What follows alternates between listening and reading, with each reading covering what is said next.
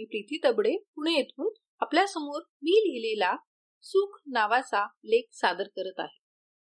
सुख म्हणजे आत्मिक आनंद समाधान.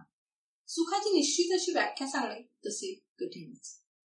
व्यक्ती तितक्या प्रकृती तसेच सुखही व्यक्तीनुसार बदलते. गांधीजींच पाहना बॅरिस्टर असूनही स्वतःला देशसेवेत झोकून दिलं. इंदिरा गांधींना देशाचा कारभार सांभाळण्यात सुख वाटलं. शेतकऱ्याचं स्वतःची हिरवी गार डौलदार पिकं बघण्यात सुख असते.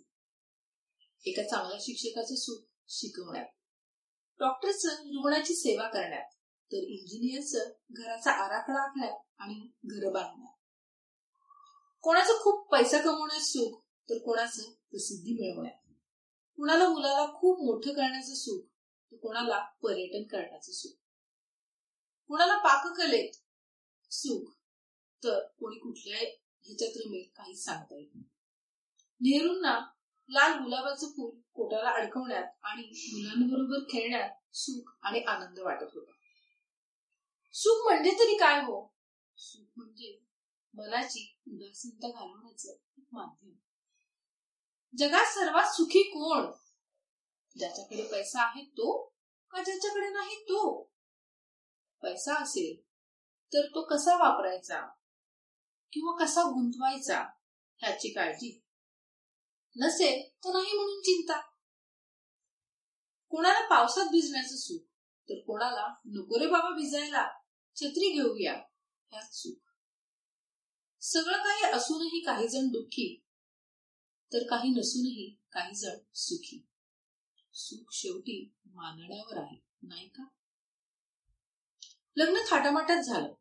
दोघेही छान शिकलेले. काही दिवसातच पटेना. म्हणून घटस्फोट घ्यावा लागला. लग्न करताना सुख होत.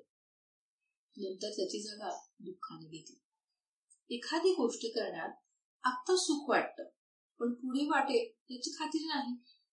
काहींना नोकरी करण्यात सुख काहींना दुसऱ्यांची गुलामी नको म्हणून स्वतःचा व्यवसाय करण्यात सुख काहींना एकटं राहण्यास सुख तर काहींना कुटुंबात राहण्याचं सुख. ज्याला जी गोष्ट करण्यात चेहऱ्यावर समाधान आनंद दिसतो ते सुख. दुःखावर मात करणारा क्षण म्हणजे सुख. दुःख तरी काय हो? तुमच्या माझ्या मानण्यावर ना? असेही होते की लोक दुःखी असतात कष्टी असतात. पण सुखाची झालर नेहमी चेहऱ्यावर लावतात.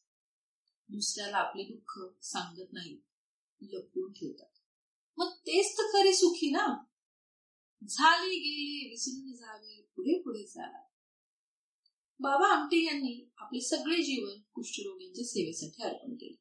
समाजसेवा हेच त्यांचे सुख होते. आपल्याला वाचता येतं बोलता येतं लिहिता येतं आपलं मन मोकळं करता येतं.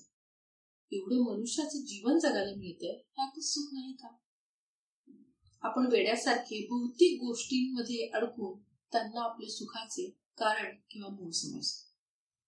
पण खरं सुख तर जिवंत माणसाशी संवाद साधण्यात आहे समाधान मानले की आपोआप सुखाचे दरवाजे उघडतात पण माझ्याकडे हे नाही ते नाही अशी कुरकुर करत बसलं तर आत्ताचा क्षणपण नको नकोसा होतो. आणि पदरी येते ते नैराश्य दुःख. सुख आणि दुःख हे ऊन सावलीसारखे असते एक गोष्ट गेली की दुसरी हजर.